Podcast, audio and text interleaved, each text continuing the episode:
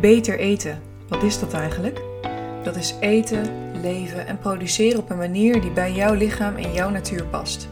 Daar mag je naar terug. In deze podcast deel ik mijn eigen ervaring en de verhalen van mensen die het anders doen.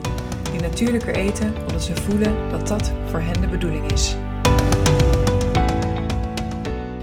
Hey, leuk dat je weer luistert naar een nieuwe aflevering van de Beter Eten podcast. En vandaag heb ik weer een interview, dit keer met Jutta Koeler. En Jutta, ik vind het heel leuk om vandaag met jou in gesprek te gaan. Want ik denk dat het inmiddels twee jaar geleden is dat ik een keer voor een consult bij jou geweest. Je bent uh, voedingstherapeut, werkt vanuit de Chinese voedingsleer en uh, de stofwisselingstypes.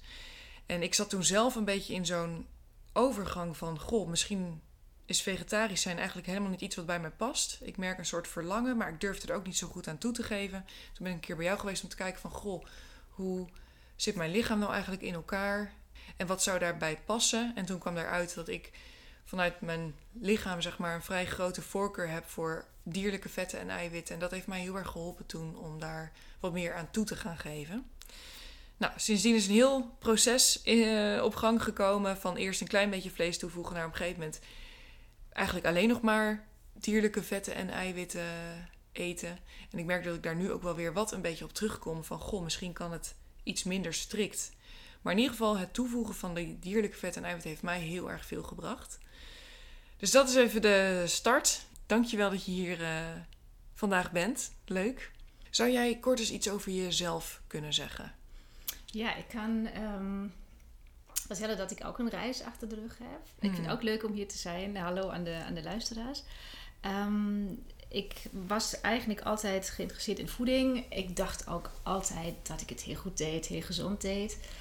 En um, ik denk rond mijn 24ste, 25ste um, kreeg ik zelf een keer advies door een uh, Chinese geneeskundige. Die eigenlijk alles doorhaalde waarvan ik altijd dacht, nou dat is goed voor mij. Mm -hmm. En dit vond ik best, uh, ja, best confronterend. Maar ik heb het wel allemaal toegepast zonder te weten waarom. En uh, ik heb dingen zien veranderen um, waarvan ik dacht, nou, dat is eigenlijk normaal. Ik heb dat wel. Ik had altijd een onrustige buik, extreme koude, mm -hmm. uh, droge huid. En door de voeding aan te passen zijn heel veel dingen verdwenen. Okay. En toen dacht ik, nou, kennelijk zit er meer in dan ik dacht. En kennelijk is ook niet alles goed waarvan ik dacht dat het goed voor me is. En uh, toen ben ik zelf gaan zoeken naar stromingen, naar ideeën en kwam dan bij de Chinese geneeskunde terecht. Daar heb ik een opleiding gevolgd. En uiteindelijk de praktijk geopend. En uh, een behoorlijk aantal jaar later kwam dan nog de leer van de stofwisselingstypes bij, die eigenlijk een beetje het puntje op de i zet. Ja. ja. Um, en ook, ook, ik denk dat ik nog steeds niet klaar ben. Er komen altijd nog nieuwe dingen bij. Het blijft ontwikkeling. Ik leer ook juist door klanten zoals jij. Mm -hmm. En dit is voor mij ook altijd ja, heel erg waardevol om te kunnen zien, ja, hoe, hoe verandert dit? Mm -hmm. Ja. Hey, en wat was jouw achtergrond dan voordat je die uh, Chinese voedingsleer indook? Ik ben uh, opgeleid als uh, geograaf in Duitsland. Okay. Toen oh. daar heb je niet het verschil uh, waar je, je doet de hele geografie. En ik heb um, in het begin gewerkt bij de RIVM als onderzoeker milieugezondheid. Dat heb ik een aantal jaar gedaan. Maar toen dacht ik al, ja, ergens ligt mijn pad ergens anders. Mm -hmm. En parallel met mijn werk toen, met mijn baan, toen ben ik opleiding gaan volgen op, ja, op het gebied van de Chinese geneeskunde. Ja. Okay. En toen geswitcht helemaal. Hmm. Ja. Hey, en je noemde het net al even in je eigen reis dat je toen een aantal dingen bent gaan aanpassen. En dat dat heel veel effect voor jou heeft. Wat waren bijvoorbeeld dingen die je toen hebt aangepast? Ja, en, uh, dat zijn dingen geweest. Um, ik dronk bijvoorbeeld extreem veel groene thee. Mm -hmm. Ik zette altijd zo'n zo'n hele um, pot groene thee. Um, ik at heel veel fruit. Ik at veel yoghurt. Eigenlijk de dingen waarvan um, men in het Westen zou zeggen, ja, heel gezond. Hè? Mm -hmm. Ik had standaard mijn yoghurt, banaantje erin, krusli erin. En um, eigenlijk zijn die dingen, de, de, melkproducten werden mij geschrapt. De banaan werd me afgepakt. Ze voelen dat ook. Hè? Oh. En um, groene thee werd ook gezegd, moet je niet zo vaak en zoveel drinken. Dus eigenlijk al die gezonde dingen, hè? gezonde mm -hmm. dingen, uh, die, werden, die werden afgepakt. Mm -hmm. En um, dus ik moest echt meer warm gaan eten, um, echt meer maaltijden gaan eten. en ik merkte echt dat, dat, dat mij zoveel ja, kon helpen wat betreft de klachten. Ik hoefde Mhm. niet meer naar het toilet s'nachts bijvoorbeeld. Eh, mijn lijf werd warmer. Ehm, ik had niet meer zoveel trek in zoet. Mijn buik werd rustiger. Dus eh, voor mij was dat echt wonderbaarlijk toen. Ja. Oké. Trouwens, even heel grappig wat je nu zegt over dat s'nachts naar het toilet. Dat moest ik ook altijd. Mhm. En sinds ik dus wat meer op deze manier ben gaan eten, is dat voorbij. Ja, Dus daar is, dat is, eh, wat ik eigenlijk helemaal nooit gerealiseerd nog. Dus eh, ik vind het grappig Ja. om je dat niet te horen Ja. zeggen. Maar dat is Ja. echt ook een, eh, verandering geweest. dit is mooi omdat toen ik jong was en twee keer daaruit moest s'nachts. Eigenlijk heb je het idee, iedereen heeft dat. Of met name vrouwen. Mhm. hè? Dus eh, dan, dan vind je het ook niet raar. En dan denk je ook niet dat het beter kan. En dat stoort ook niet echt, want je slaapt daarna weer. Ja. Maar het is wel een onderbreking. En Chinees gezien zegt dat iets. Hè? Dus eigenlijk is je onderlijf dan een tikje te koud. En ehm, het hoort niet op die leeftijd. Nee. Ja, het kan beter. Mhm. Ja. Mm. En je hebt het over dat, oké, toen werden dus bepaalde dingen afgepakt. Zo voelde dat een beetje. Hoe makkelijk of moeilijk was het voor jou om dat soort dingen dan aan te passen? Ehm, ik vond het, ik moet zeggen, ik heb niet het idee dat het extreem moeilijk was. Mhm. Ehm, omdat ik relatief snel merkte dat het goed ging. En ik ben nooit gegaan voor perfectie. Mhm. Maar ehm, het, het voelde ook niet zoals ik op dieet was, want er kwamen rijke maaltijden in plaats. hè. Mhm. Dus, en op den duur dacht ik ook, ja, ik vind de yoghurt met banaan, waar ik zo gehecht aan was, met de kruisli, ehm, vind ik ook niet meer zo. Ik had er geen zin meer in. En dan was het niet meer zo dat het, dat het geen. Het werd niet meer in de zin van het mag niet, maar het hoeft niet. Ja. Ja. En als je het dan nog een keer neemt, kun je vergelijken. Ja. En dan. Ja, het voelde niet. Het waren zeker andere dingen waar ik. Waar, waar ik de gluten eh, was voor mij moeilijk, want daar kan ik heel slecht tegen. Daar heb ik heel lang over gedaan om daarvan eh, af te komen. Ja. Dat was een ander verhaal. Maar de eerste stappen waren, eh, waren prima, omdat ik gewoon lekker kon eten. Ja. Alleen Ja. niet meer zo koud. Oké, ja. En met koud bedoel jij voedingsmiddelen die kou in je lichaam eh, ja, stimuleren? Of Ja, dat? in feite, ja, in feite. Dus je hebt voedingsmiddelen. ehm, ik noem altijd komkommer, omdat je die op de ogen kunt plakken. Mhm. hè, of op zonnebrand. Dus elk voedingsmiddel heeft een effect op het lijf, Ja. thermisch gezien. En komkommer doen we op de ogen omdat die verkoelend werkt. Ja. Maar komkommer koelt ook ons verteringssysteem. Mhm. En dat is oké. Ehm, maar als je heel veel verkoeling geeft, en dat is yoghurt, fruit, rauwkost, dan eh, wordt het te koud in je buik. Ja. En dan kan je ook je onderlijf te koud worden, en je handen en je voeten. Mhm. En ehm, dus om, door dat niet meer te nemen, kreeg je de kans om weer een beetje op temperatuur te Ja. komen. Wat ik even heel grappig vind nu ook. ehm, ik ben dus een beetje aan het experimenteren met zo af en toe wat groente erbij. Omdat ik het ook gewoon heel erg lekker vind. En wat ik eigenlijk voornamelijk nu eet is komkommer. Mhm. Zou dat een soort eh, ehm, reactie kunnen zijn misschien op heel veel verwarmende voedingsmiddelen die ik dan bijvoorbeeld eet? Want dat is wat ik eigenlijk het allerlekkerst vind nu, is gewoon wat ei met een soort sausje en eh, komkommer erbij. Het kan, hè? En, en ehm, wat ik ook wil benadrukken, eigenlijk doe je het dan precies goed. Want je gaat af op je gevoel. Mhm. Hè? Niet op basis van, eh, oh, ik moet die komkommer eten... Ja. omdat die Nee, geen calorieën heeft Ja. of wat dan ook. Ja. En, en dan zit je eigenlijk al goed. Hè? Mhm. Er is ook eigenlijk geen slecht voedingsmiddel. Ja, Dus als je eh, merkt, nou, dit, dat doet me goed, ik doe het erbij... Ja. dan ben je precies goed bezig. Daar wil Mhm. je zijn. ja, Hè? Dan heb Ja. je eigenlijk niks meer nodig... behalve je eigen lijf om de koers te bepalen. Ja. En, ehm, maar als je nu komkommer zou eten omdat je denkt het heeft geen calorieën of, eh, of wat dan ook, ja, dan bepaal je met je hoofd. ja, ja, klopt. Maar het kan zijn dat je daardoor een beetje, ehm, beetje de koeling op bordje wilt halen. En dit is oké, wij moeten ook koelen. Ja, We zoeken altijd balans. Hè? Te veel warmte is ook niet goed. mhm. Ja. Grappig. Ja. Ehm, nou, ik denk dat veel luisteraars van deze podcast een wat meer carnivore manier van eten hebben, of in ieder geval daarin geïnteresseerd zijn. En hoe kijk jij vanuit de TCM en ook vanuit de leer van de stofwisselingstypes daarnaar? ja, daar haal ik iets meer de, de leer van de stofwisselingstypes Oké, aan. ja. De Chinese geneeskunde kijkt vooral om de vraag: kun je het verteren? Ja? Mhm. Is de warmte goed? Is de koude goed? Werken de orgaansystemen goed? Daar is de Chinese geneeskunde heel erg goed in. Maar met de precieze aandelen op je bordje, daar ga ik altijd kijken naar de, of de verhouding op het bordje. Daar gaan we kijken naar de stofwisselingstypes. En die zeggen iedereen is anders. Mhm. Wat natuurlijk heel erg voor de hand liggend is. Ja. Maar ehm, je kan eigenlijk de mensen, en dat is heel kort op de bocht, maar je kan de mensen in drie grote groepen indelen. Dus je hebt aan de ene kant mensen die meer koolhydraten nodig hebben, minder vlees tot geen vlees. Mhm. Ehm, en dan heb je het andere extreem tegenover. Dat zijn de rood vlees- en vettypes. Mhm. Ja, die hebben veel meer vet nodig, veel meer zout nodig, ehm, veel meer vlees nodig. En dan niet het kipfiletje, maar de poot, het vel, eh, orgaanvlees. En daartussenin zit ook nog een groep. Die, zitten, die noemen wij de gebalanceerde types. Ja. En ehm, als je echt carnivoor gaat eten, dan ben ik er overtuigd, dan, dan moet je het lijf hebben van een roodvlees-vettype. Ja. Ehm, en dan, dat is denk ik ook de enige groep die dat lekker vindt op de Mhm. lange termijn.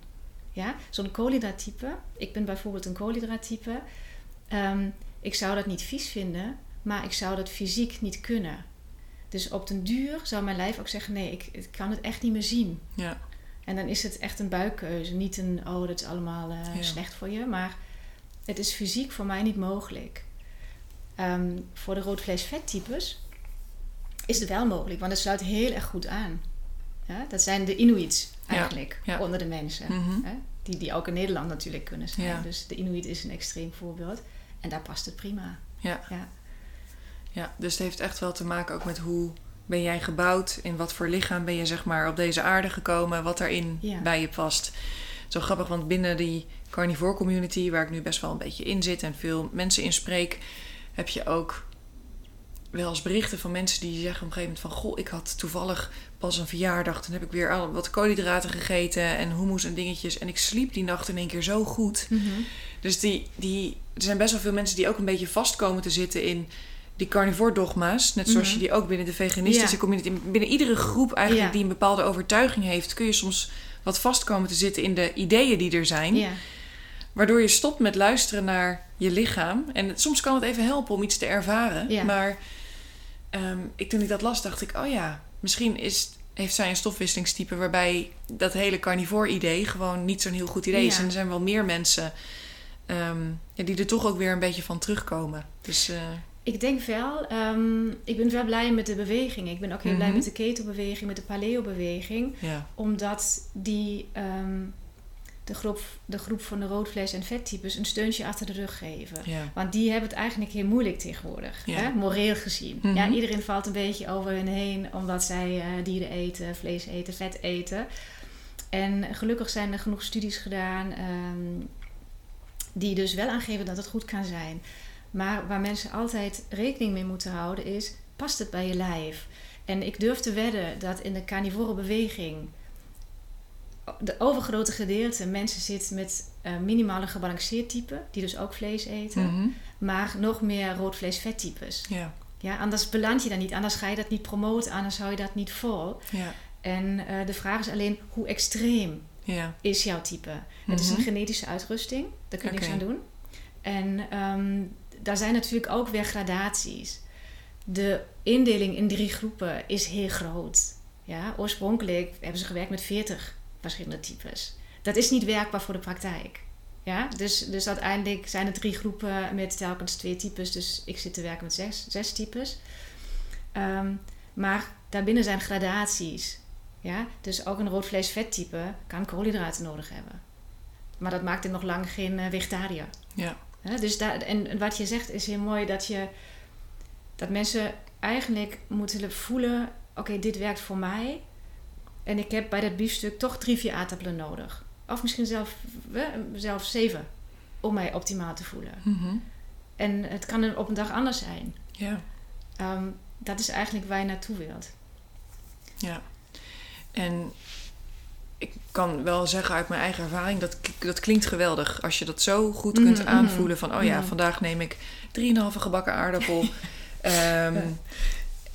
Want ja, ik heb zelf in ieder geval wel een behoorlijke reis ook met voeding achter de rug Ja. en een hele spanning daaromheen. En ik denk dat veel mensen die ook geïnteresseerd zijn Ja. in leefstijl en voeding, en dat zijn ook de mensen die naar deze podcast luisteren. ehm, je hoort altijd, ja, je moet voelen Ja, en je lichaam ja. geeft het wel aan. Ja. En dat, dat is helemaal zo. En we zijn het contact daarmee ook een beetje verloren. Ja.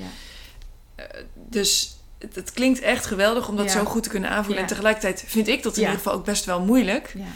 om ja, daar altijd dan de perfecte keuze in te maken. En, het, en wat mij in ieder geval daar ook wel in helpt, is dat het dus niet perfect hoeft te zijn. Ja. Dat het gewoon een soort ontdekkingsreis mag zijn. Dat er periodes zijn waarin ik daarin misschien wat meer in tune ben Ja. met mijn lichaam. En, en dat er mo- momenten, dagen, weken zijn waarop ik dat een beetje verlies. En dat dat Mhm. allemaal oké is. ja, absoluut. Maar goed, dat, dat is ook een soort reis, zeg maar. Ja. eh, ehm, ja, waar ik steeds meer in groei. En ehm, ja, wat ik, waarvan ik kan zeggen dat dat best wel pittig kan zijn. En ik Ja. denk helemaal voor mensen die hier zo mee bezig zijn en eh, geïnteresseerd in zijn.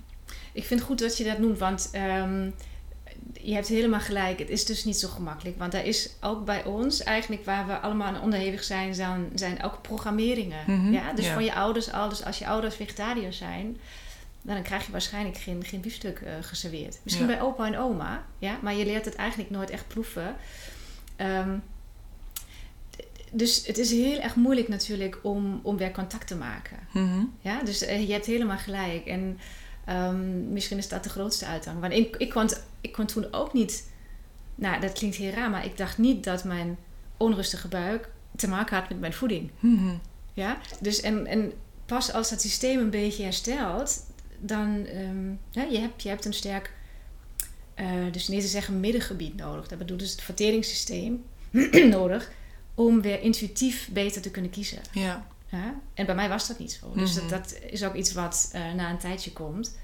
Ehm, en het tweede punt wat je zei, ja, het hoeft nooit perfect. Ja. Het is, voeding vind ik natuurlijk belangrijk, maar het is ook niet alles. Ja. Ja? Dus de gedachte die je hebt met een bordje voor je neus, doet ook iets. Ja, dus als je zegt, nou, het is echt niet 100% mijn eten, maar ik ga dat goed verteren, Ja. is dat anders dan als je zegt, "Oh, dat gaat nu heel slecht vallen, want het is Ja. een perfect bordje. Ik Ja. heb daar iets verkeerd gedaan. Ja. Hè? En in die zin mag daar ook weer, precies wat je zegt, weer wat luchtigheid in komen. Ja, ja klopt. Want wat ik daarin zelf in ieder geval ook merk is dat ehm, wanneer er wat meer luchtigheid in, in kan komen, kan ook mijn emotionele binding en gehechtheid die ik heb aan sommige voedingsmiddelen of aan sommige gewoontes en ook aan sommige overtuigingen. Ja, Eh, en dat gaat van over wat gezond is en wat niet gezond is, tot aan hoe mijn lichaam eruit moet Ja. zien en wat ik daarvoor Ja. moet doen. Ja. En dat ik me daar aan moet houden en dat het dan niet lukt en dat het dan weer ergens, weet je wel. Dus er zit ook een soort ehm, ja, emotionele binding aan, Mhm. aan dat soort dingen. Eh, en, en hoe meer ontspanning daarin kan Mhm. komen, eh, ja, hoe beter je denk ik ook in contact kunt komen met dat kompas, dat, dat sterke midden.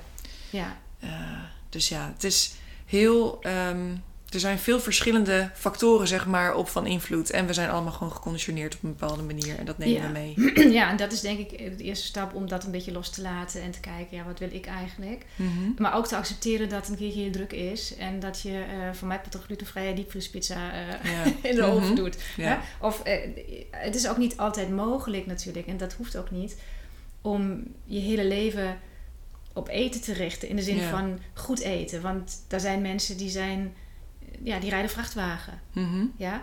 En, en die moeten weten, oké, wat kun je desnoods naar, op de derde dag bij de benzinepomp halen? Ja. Wat relatief dichtbij komt. Mhm. Ehm, dus eten is, is natuurlijk leuk en lekker, maar het mag ook, het, is, het, het hoort ons te voeden. Ja.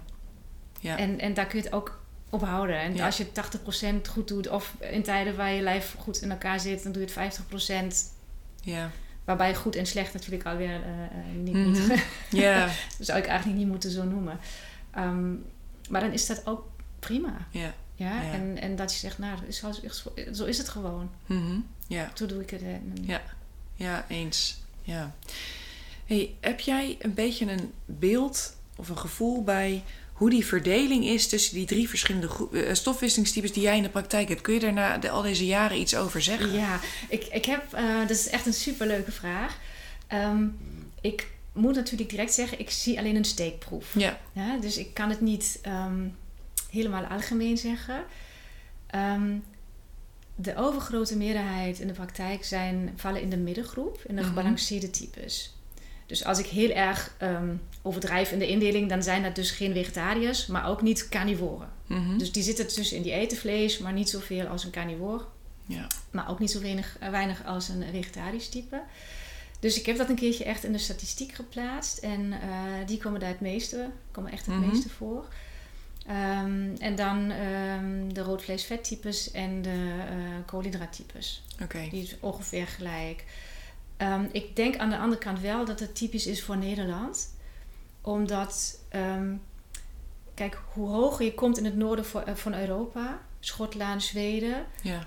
ehm, hoe meer ehm rood vlees, vettypes daar wonen. Ja. In ieder geval als ze niet zijn verhuisd en Ja. daar, eh, daar oorspronkelijk eh, hun, hun families vandaan komen. Omdat er simpelweg weinig landbouw nodig is, of mogelijk is. En zij terugvallen op dierlijke producten. Ja. Ja, dus dat kan ik wel stellen. En ja, India is een heel goed voorbeeld voor eh koolhydraattypes. Ja. Ja. die eten puffvruchten, rijst en groenten. Misschien een beetje vlees. Maar ehm, dat is een vrij nieuw stofwisselingstype eigenlijk. Ja, oké. Dus ehm, en in, in, in Nederland, Duitsland, België komt echt van alles bij elkaar. Mhm. Ja. Ehm, en ik denk op de, op, ja, in de loop van de tijd is dat toch de, het gebalanceerde type Ja. het meest, meest, eh, naar voren gekomen. Ja. Ja. Dat zou wel grappig zijn om daar eens te kijken wat er inderdaad meer in het noorden van Zweden en dat soort Ja. plekken is. Ik, ik heb ook wel eens hierover na zitten denken en als ik kijk naar hoe ik eruit zie. ehm, ik heb best kleine ogen, hoge jukbeenderen. En pas ging ik eens opzoeken hoe Inuit mensen daaruit zien. En, en eh, nomades uit Mongolië en dat soort dingen. En toen dacht ik in één keer, wow. Het lijkt, Ja, ik, ik oh lijk daar wel. En natuurlijk is het net ook met wat voor bril ga je kijken. Maar ik, ik lijk daar meer op dan iemand vanuit India Ja, bijvoorbeeld ja. of Afrika. Ja. Ja. Dus ik kan me helemaal voorstellen dat er iets in die bloedlijn eh, daar vandaan komt. Ja. ja, dat zou kunnen. Ja. En dit is ook leuk. Eigenlijk, eh er zijn, zijn meer vragen dan antwoorden. Hè? Dus er is Mhm, nog eigenlijk heel veel eh, onderzoek te doen. En ehm, ja, het is heel leuk om daar, om daar dieper in te duiken nog. Ja. Ja. ja. Je noemde net een, eh, een voedselgroep waar ik ook wel benieuwd naar ben hoe je daar naar kijkt. Mensen uit India zeiden, eten veel pulvruchten ook. Mhm. Binnen de carnivore community hoor ik heel vaak, oh nee, dat is giftig, want saponines Ja, en eh, ja. antinutriënten en allerlei dingen die ongezond zouden zijn aan groentes. Dat heeft mijn ogen in de zin wel een beetje geopend van, oh ja, ik had een soort heilig geloof Mhm. in groenten en peulvruchten. Mhm. Dat is niet meer zo. Maar hoe kijk jij daarnaar? Ja, eh, ik zou zeggen, het klopt wat te zeggen. Het is moeilijker verteerbaar. Mhm. Ja, het is eigenlijk niet gemaakt voor, eh, voor rauw of, of voor mij part ook alleen geweekt. Ehm, Mhm. Dus als je het wilt eten, dan, dan moeten er echt stappen worden genomen om het beter verteerbaar te maken. Dus weken, weekwater weggieten, eventueel met zeewier koken, ehm, met baking soda koken. En eh, kruiden en specerijen toevoegen die de verteerbaarheid verhogen. Oké. Ja. Ja. Maar inderdaad, daar kunnen mensen, het kan zijn dat je daar simpelweg eh, niet goed op gaat. Mhm. En, een, en een rood vlees vettype, die heeft echt simpelweg niet zo heel veel aan een bordje eh linzen. Nee. Het wordt interessant als er spek bij komt. Ja. Ja. Dan, dan kun je dat doen. Maar als je voor jezelf merkt, het valt simpelweg niet goed. Ja. Dan, Ja. ondanks al die stappen die, die de verteerbaarheid verhogen, ehm, dan eh, is het natuurlijk niet per se een Ja. goede eiwitbron Mhm. voor jou. Ja. Maar ik hoor jou niet zeggen, nee, daar moet je echt van wegblijven. Want stel voor je voegt er spek aan toe, dan kan dat prima als, jij, als dat goed valt. Zeg Ja, maar. absoluut. Hè? Ehm, het is wel, ik ben ook niet eh, tegen een keertje een, een, een glazen potje kikkererwt te openen. Mhm. Maar het is altijd de vraag, verteer je dat goed? En als je het zelf weekt, zelf kookt en combineert met bepaalde kruiden ehm, die de verteerbaarheid verhogen. Klassiek is dan bonenkruid, hè? Mhm. maar dat is, in feite helpt natuurlijk alles. Ja. Ehm, en je merkt het valt goed, dan, dan is het prima. Je kan natuurlijk zeggen, daar zitten ook koolhydraten in die voor een extreem carnivore type Mhm. niet interessant zijn, niet relevant zijn. Ja. Hè? Dus, dus ehm, het is geen. Laten we zo zeggen, je hoeft het niet per se te eten Mhm. Als Ja. carnivore Nee. of als grootvleesvettype. Ehm maar het is oké om het te combineren. Ja. als onder, maar het is, niet, het is wel belangrijk, het is niet je hoofdeiwitbron. Nee, Ja? Dus Ja. daar, daar kun je niks mee eigenlijk. Ja. dat snap ik. En Ja. dat jezelf toestaan toen ik dat mezelf ging toestaan van, oh ja, ik kan niet al mijn vetten en of ik kan niet al mijn eiwitten uit pilvruchten halen, Ja. zeg maar. Dat Ja. eh, heeft voor de rust in mijn systeem Mhm. heel veel gedaan. Ja. Toen ik dus mezelf ging toestaan dat ik ja, eiwitten en vetten uit vlees mocht Ja, gaan halen. ja. Dat gaf een soort rust. Want het is wel een vraag die ook net in mij opkwam. Je hebt het over, oh ja, als het goed valt, kun je ermee doorgaan. Als het niet goed valt, kun je er niet mee doorgaan. En daar zit een stukje voelen hoe Ja. iets valt. Mm. Heb jij woorden voor wat je ervaart als iets Mm. wel of niet goed valt? Hoe, hoe mensen daar misschien wat meer in contact mee kunnen komen? Het is ehm, voor sommigen gemakkelijker dan voor de rest. Ehm, Mhm. Als je kijkt naar jouw stofwisselingstype en de mijne. Ehm, mijn type is een cholera-type, dus ik, ik kan, kan vegetarisch eten. Ehm, maar ik heb van nature uit een vrij zwakke vertering. Ja, dus het is altijd mijn zwakke plek. Eh, is ook een beetje stofwisselingstype gebonden in mijn geval. Hmm. Want eh, er is heel veel drukte en heel veel op pad zijn. En dat gaat altijd ten koste van de vertering. Ja, op de Mm. vlucht ga je niet verteren. Ehm, dus ik zou dat misschien iets gemakkelijker aanvoelen dan iemand die, die van nature uit een veel sterkere vertering heeft. Ja, ik denk, wij kennen allemaal mensen die kunnen van alles eten en de buik zegt niks. Ja. En eh, dus eigenlijk is dat natuurlijk wat je wilt voelen, een buik die, die je niet voelt Mhm. alles waar je buik zegt, oh, het, het blaast op, je moet heel veel windjes laten, ehm, je kan niet naar het toilet of je moet heel vaak naar het toilet. De ontlasting is braaiig, de ontlasting plakt, de ontlasting stinkt extreem. Ehm, je moet na het eten een knopje openzetten, want de buik is zo opgeblazen. Geeft aan, het gaat niet zo soepel. Mhm. En ehm, of je wordt heel moe na het eten. Of je hebt het idee, ja, eigenlijk ben je niet klaar met eten. Of je maag die, ehm, hè, en dan bedoel ik meer maagzuur, hè, het, het, het, het borrelt een beetje omhoog. Ja. Of je merkt aan, oh, dit moet ik niet eten, want dan voel ik mijn maag weer. Dat, dat zijn dingen die, ja, die kunnen we zelf zeggen. Desnoods een keertje gaan zitten en, en kijken, wat voel ik eigenlijk. Ja. Maar er zijn inderdaad mensen die het... ehm, die van nature uit zo'n sterke verdeling hebben dat die daar Ja. minder last van hebben. Mhm. Het zegt niet dat dat wat ze eten goed is, Ja. maar die kunnen gewoon simpelweg mee hebben. Ik denk dat ik mezelf daar ook wel altijd onder heb geschaard. En nog steeds wel. Ik krijg nooit last van voedingsmiddelen. ja. Behalve toen ik mezelf op een gegeven moment ging toestaan van... oh ja, ik eet vanavond als avondeten twee rundervinken. Mhm. Toen merkte ik dat ik daarna niet meer de hele tijd naar mijn keukenkastje heen en weer liep. Om een Ah. hapje van dit te nemen Ja, of een hapje van dat. Ja. Of toch nog honing weer op mijn Ja. iets. Of, dus ehm, ja, het is bij mij niet dat ik een per se... Ik, kan wel eens een opgeblazen gevoel krijgen. Helemaal als ik met zuivel ga doen. Daar ben ik nu even helemaal mee gestopt. En ik merk, wauw, dat voelt echt als een upgrade. Ja. Ehm, maar eh, die behoefte aan blijven eten na het eten, dat, dat is veel minder. Ik kan het nog steeds wel een beetje hebben. En dat is- voel ik misschien niet altijd in. Zeg maar, dat- relateer ik niet altijd aan mijn, Mm. eh, wat ik heb gegeten. Maar dat is ook een stukje in mij wat daar gewoon soms een beetje aan vastzit. Ja. Dus dan mag ik echt even gaan zitten van, oh ja, wat is nou eigenlijk echt mijn behoefte in plaats van eh, de hele tijd naar zo'n keukenkastje heen weer of iets. Maar in ieder geval, daar is heel veel meer rust in gekomen toen ik vlees ging eten en toen ik veel meer vlees ging eten. Dus dat, was, dat is, vind ik ook wel een mooi signaal wat je noemt, hoe valt iets? Ja. Het, heeft, het, heeft, het is meer dan alleen maar een opgeblazen gevoel of krampen of dat soort dingen. ja, maar dit is fijn wat je ook, wat je ook zegt. Is ook voor mij weer eh, natuurlijk een, een, een interessant feedback. Dat je zegt, nou, je er is een verzadiging. Mhm. En, en niet het idee van, nou, ik ben niet klaar, ik moet een uur later weer wat hebben, en Ja. ik heb iets gemist. Ehm, Ja.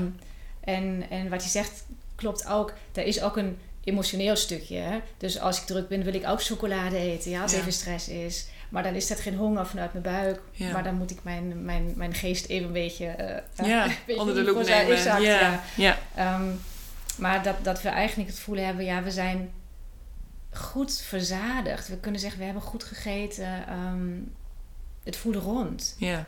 En, en dat is eigenlijk ook ja, een hoofdcriterium om te zeggen, ja, het was raak. De maaltijd was raak. Ja. Ja. Klopt.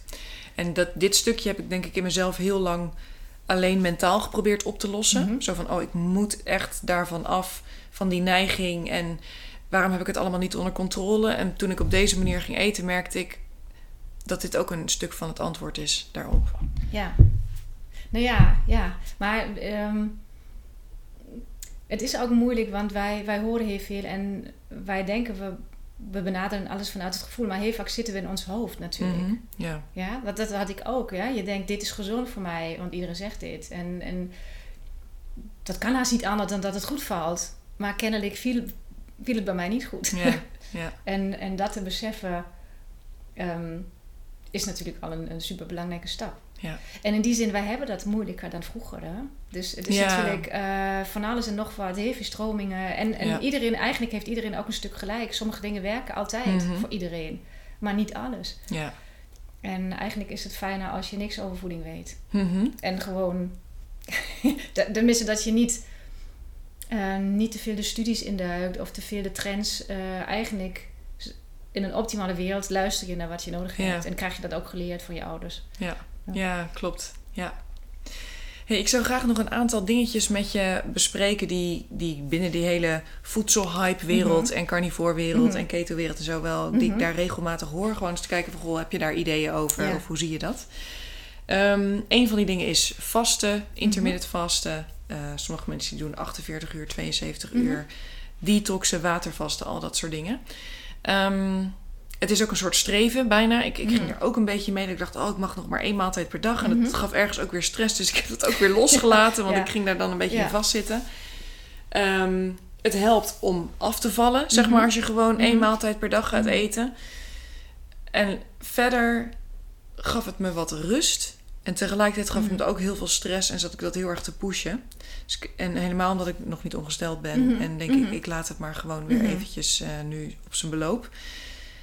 Ehm, maar ja, dit is dus ook een soort hype die ik daarbinnen tegenkom. En een soort streven van mensen. Wat, wat heb jij daar voor ideeën over? Als je, ehm, misschien voorop gezegd, wat, wat altijd belangrijk is, als je het idee hebt, het doet je goed, dan is het raak. Hè? Dan Mhm. ben ik ook de laatste die zegt, ja, daar moet je echt mee uitkijken.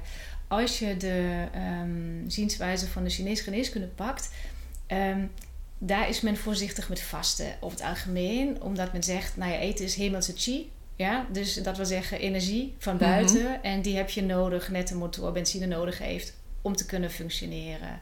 En als je te veel afziet van voeding, dan moet je eigenlijk je reserve aanpakken. Eh, dus de Chinese geneeskunde is daar voorzichtig mee. Je kan natuurlijk wel ehm, zeggen: ik ga wat anders eten, ik ga bepaalde dingen weglaten, wat dan ook al een soort van richting vasten gaat. Mhm. Ehm, maar dan op een, op een eh, ja, lichtere versie. Mhm. Dus je kan natuurlijk zeggen: ik eet een tijdje ehm, heel pure dingen als je dat niet al deed. Of ik eet eh, geen witte suiker meer. Ehm, dat, bin- dat binnen, daar kan dit. Sommigen zijn Mhm. helemaal dol op zo'n rijstkuur. Ja, Ja. Waar je drie keer per dag rijstpapjes eet. Ja.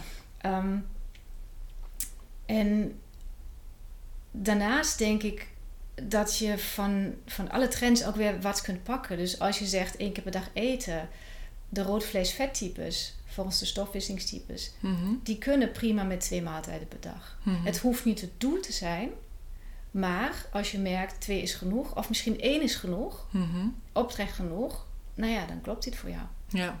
En ehm intermittent fasting vind ik op bepaalde aspecten heel goed. Namelijk ehm, op de manier dat je s'avonds niet te laat eet en dan je lijf met rust laat.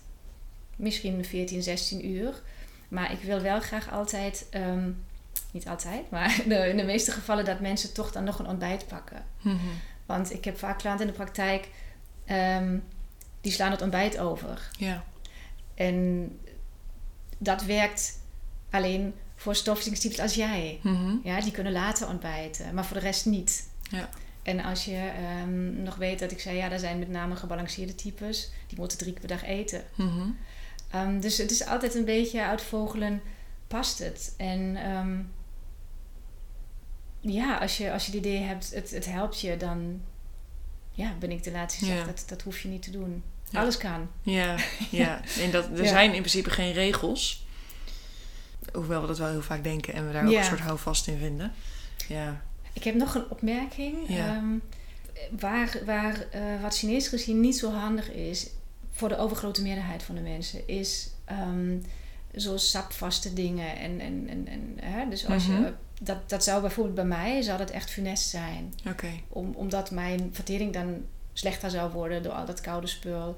Ehm, sowieso ben ik aan de magere kant. Ik kan heel moeilijk reserve opbouwen. Dus voor mij zou dat echt uh, slecht uitpakken. Ja. ja. Dus we moeten altijd kijken hoe, hoe sterk is je vertering. Welke vaste manier kun je doen. En past het bij je stofwisselingstype. Ja. ja. Oké, dus zo'n sapjeskuur, detox, wat nu hartstikke populair is. Je kunt dozen gewoon thuis laten komen en lekker vijf dagen aan de slag gaan. Met uh, iedere drie uur een sapje, geloof ik. Ja. Hoe kijk jij daarnaar? Um, ik, ik denk dat sommigen daar echt bij opknappen. En mm -hmm. ik verklaar het. Mijn verklaring is dat er uh, dat voor mensen simpelweg geen troep binnenkomt. Ja. ja het is heel puur. Ja. Um, het is ook uh, vaak dat er geen gluten in zit, natuurlijk, als zij dat gaan doen. En dat is waar mensen sowieso vaak van opknappen. Dat wil niet zeggen dat de kuur op zich de oplossing is. Maar ik kan me voorstellen dat mensen zich daardoor een tijdje echt lichter gaan voelen. Omdat het lijf rust krijgt van de gluten, van andere dingen. Ja. Ehm, aan de andere kant is dat precies voor sommigen weer niet geschikt. Mhm. Ja, dus ehm, het, is, het is vrij koud, de, de Ja. sapjes. Chinees gezien koel je daardoor je verteringsvuur, zoals het wordt genoemd. En als je sowieso al last hebt van een opgeblazen gevoel, breigend last in koude handen, koude voeten, s'nachts naar het toilet, dan ehm, warm je natuurlijk door sapjes niet echt op. Nee. Ja? Dus ehm,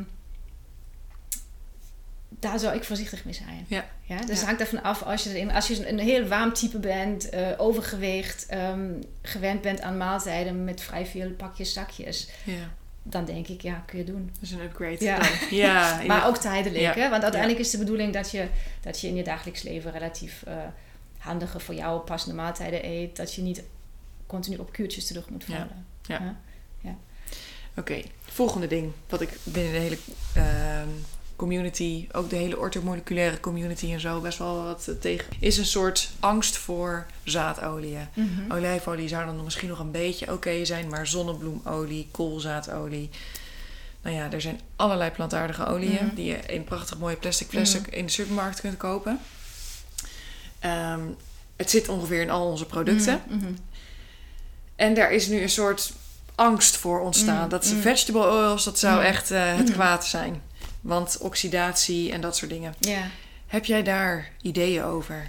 Ik moet zeggen, het olieverhaal is altijd eigenlijk het meest ingewikkelde. Daar zijn zoveel ideeën over. Mhm. Ehm, ik ben het in die zin, of laten we zeggen, we moeten eigenlijk verschil maken tussen een kwaliteitsvraagstuk. Mhm. Dus wat je beschrijft, die plastic dingen voor een euro, ehm, die zijn al honderd keer eh, verhit, ontslijmd en daar is weer iets aan toegevoegd. Er is echt heel veel mee gebeurd voordat het in het flesje komt, als pure olie. Mhm. Ehm, dus daar is de kwaliteit echt een, eh, een probleem.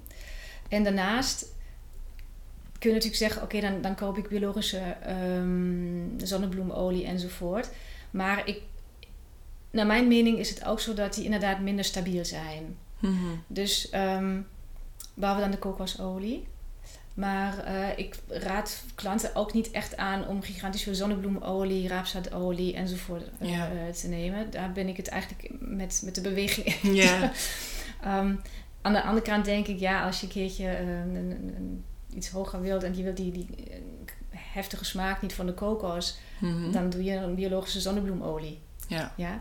Dus daar ook weer een beetje met, met beleid. Maar ehm, ik vind, we zijn echt ten onrechte bang geworden van de, van de dierlijke vetten. Ja. Dus het reuzel, dat was vroeger echt een hele goede eh, eh, samenstelling ook. Mhm. Want de beesten stonden buiten. Ja. En, en, en, hè? Dus ehm, ik zou inderdaad ook iets voorzichtiger doen met, met eh, plantaardige oliën. Mhm. Behalve de olijfolie en de kokosolie. Oké. En ehm, een goede mengeling. Mhm. Ja. En bakken in boter of ehm ossenwit of iets dergelijks, dat hoor ik je, daar hoor ik je dus wel heel positief over. Ja, zeg maar, absoluut. Ja, boter moet je... Jij moet altijd kijken hoe hoog mag je het veten. Daar is ook heel Ja. veel discussie over. Hè? Ehm, maar ik denk altijd als je je hoofd erbij houdt. Olijfolie mag je ook een stuk verhitten. Ehm, dan eh, ja, niks mis met roomboter en, eh, Nee. en, en de reuzel. Ja. Een andere term die ik veel hoor, leaky gut. Lekkende Mhm. darm, darmgezondheid, relatie Ja. tussen je darmgezondheid en ook je mentale gezondheid. Nou ja, daar is veel over te lezen, te vinden. Ehm, volgens mij als je nu naar een ortomoleculaire arts gaat, dan is dat het eerste waarop wordt gecheckt. En dan moet je Mhm. allerlei onderzoeken doen en Mhm. zo. Hoe, hoe kijk jij naar dat soort fenomenen? Nee, ik vind het, ehm, ik vind het niet verkeerd. Ik denk dat, zich, ja, dat, dat alle stromingen elkaar in het beste zin natuurlijk kunnen aanvullen. Ehm, ik maak ook wel vaak mee ehm, dat, dat in totaal eigenlijk kan ik wel stellen dat onze darmkwaliteit een beetje achteruit gaat. Mhm. hè? Door ehm, minder borstvoeding te hebben gekregen als kind of door antibiotica kuren, kunstmatige voedingsmiddelen die daar ook al kunnen rommelen. Dus ik denk dat het wel een aandachtspunt is.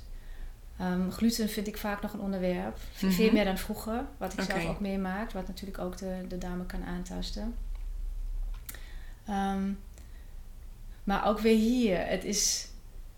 Ik denk dat de gedachte ook heel veel. De gedachten sturen ook de energie. Hè? Dus ehm, in, in alle dingen zouden we niet te veel door moeten schieten. En op een gegeven moment is het ook goed. Mhm. Ik denk dat je, hoe meer je zoekt, hoe meer vind je ook. En, Ja. en dat kan ook heel veel onrust geven. Ja.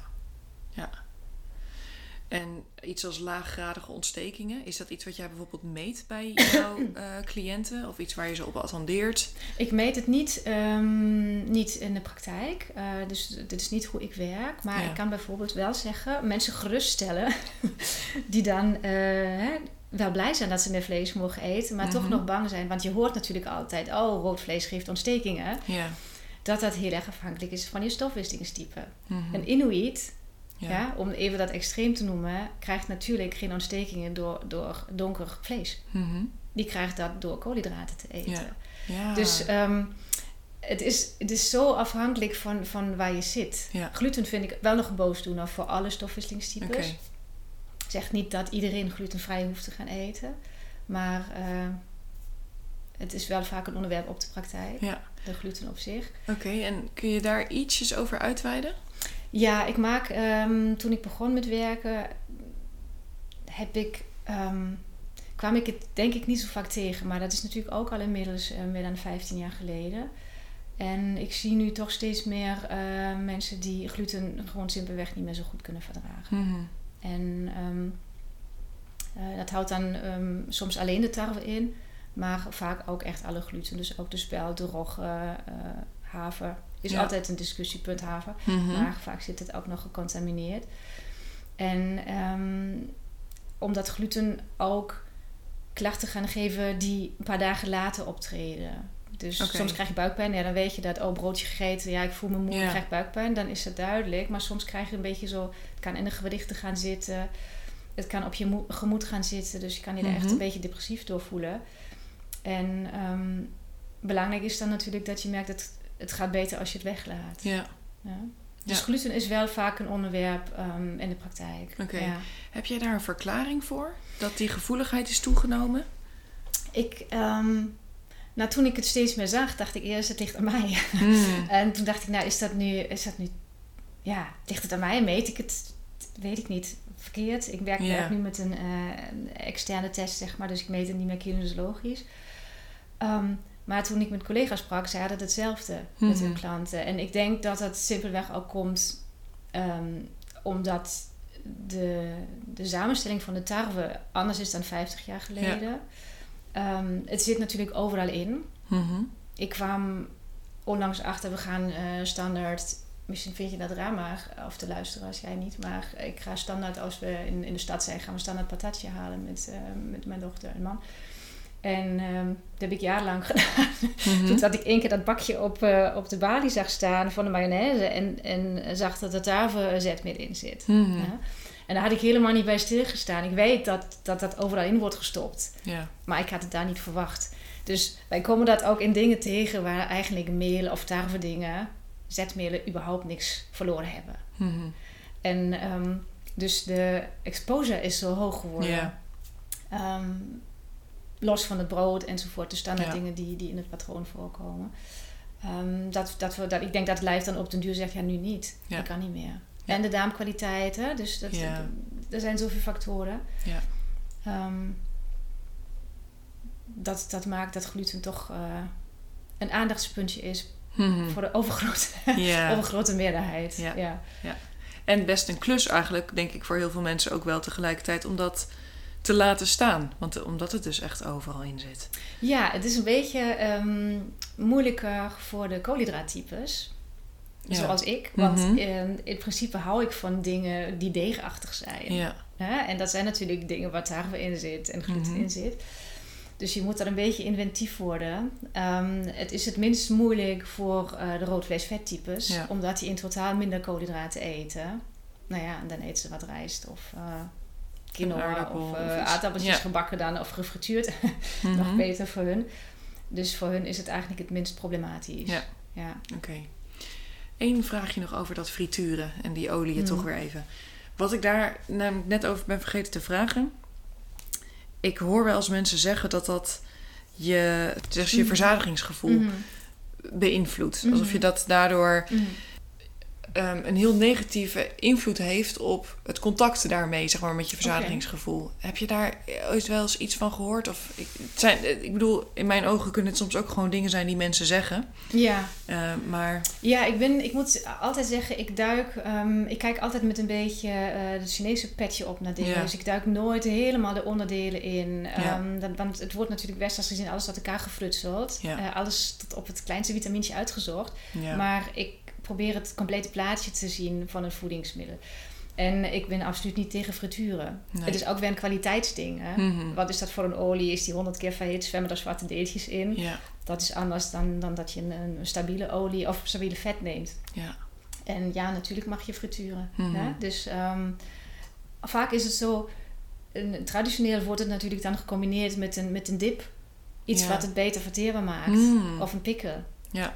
En dan, dan kun je dat ook weer eh, eh, beter opnemen. Ja.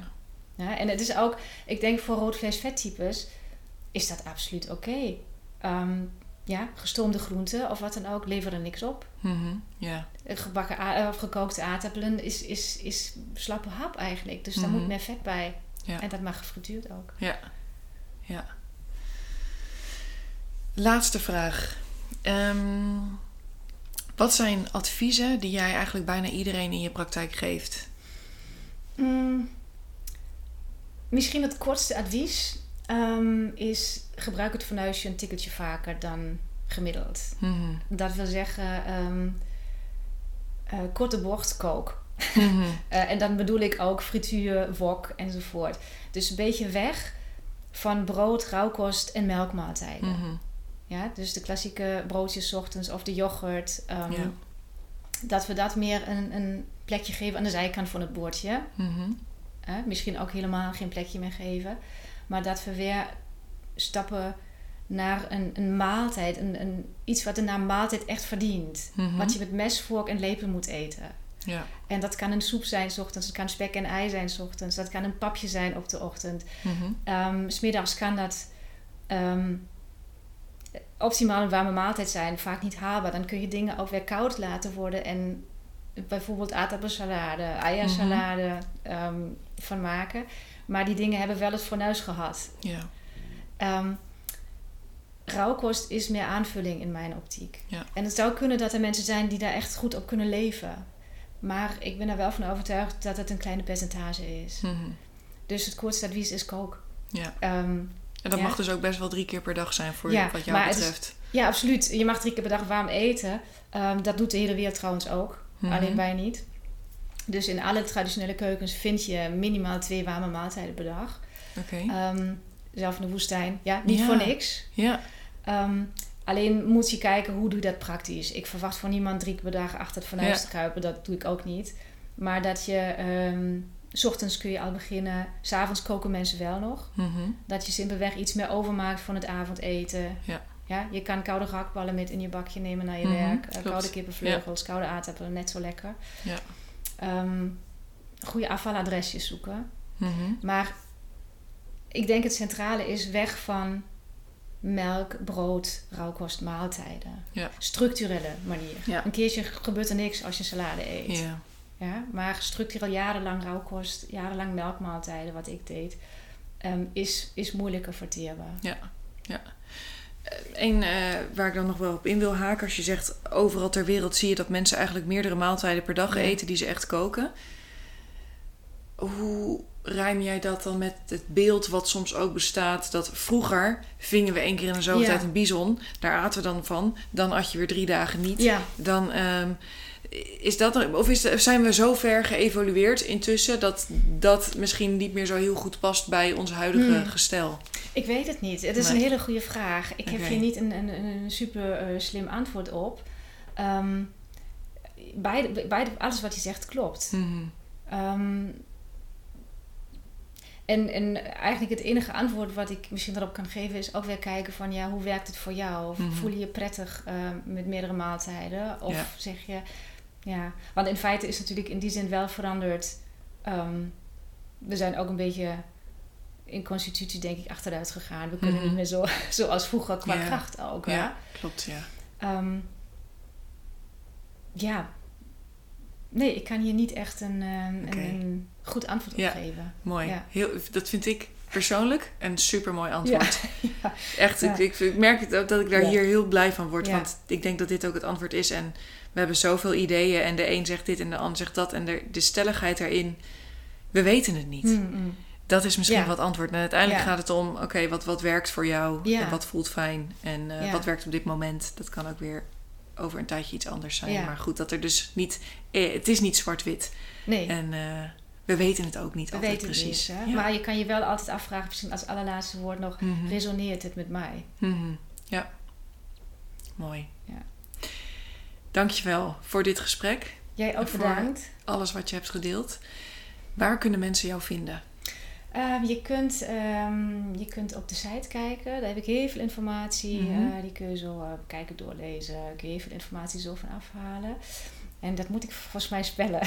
Mhm. Het is eh Jutta Keula en dat is J-U-T-T-A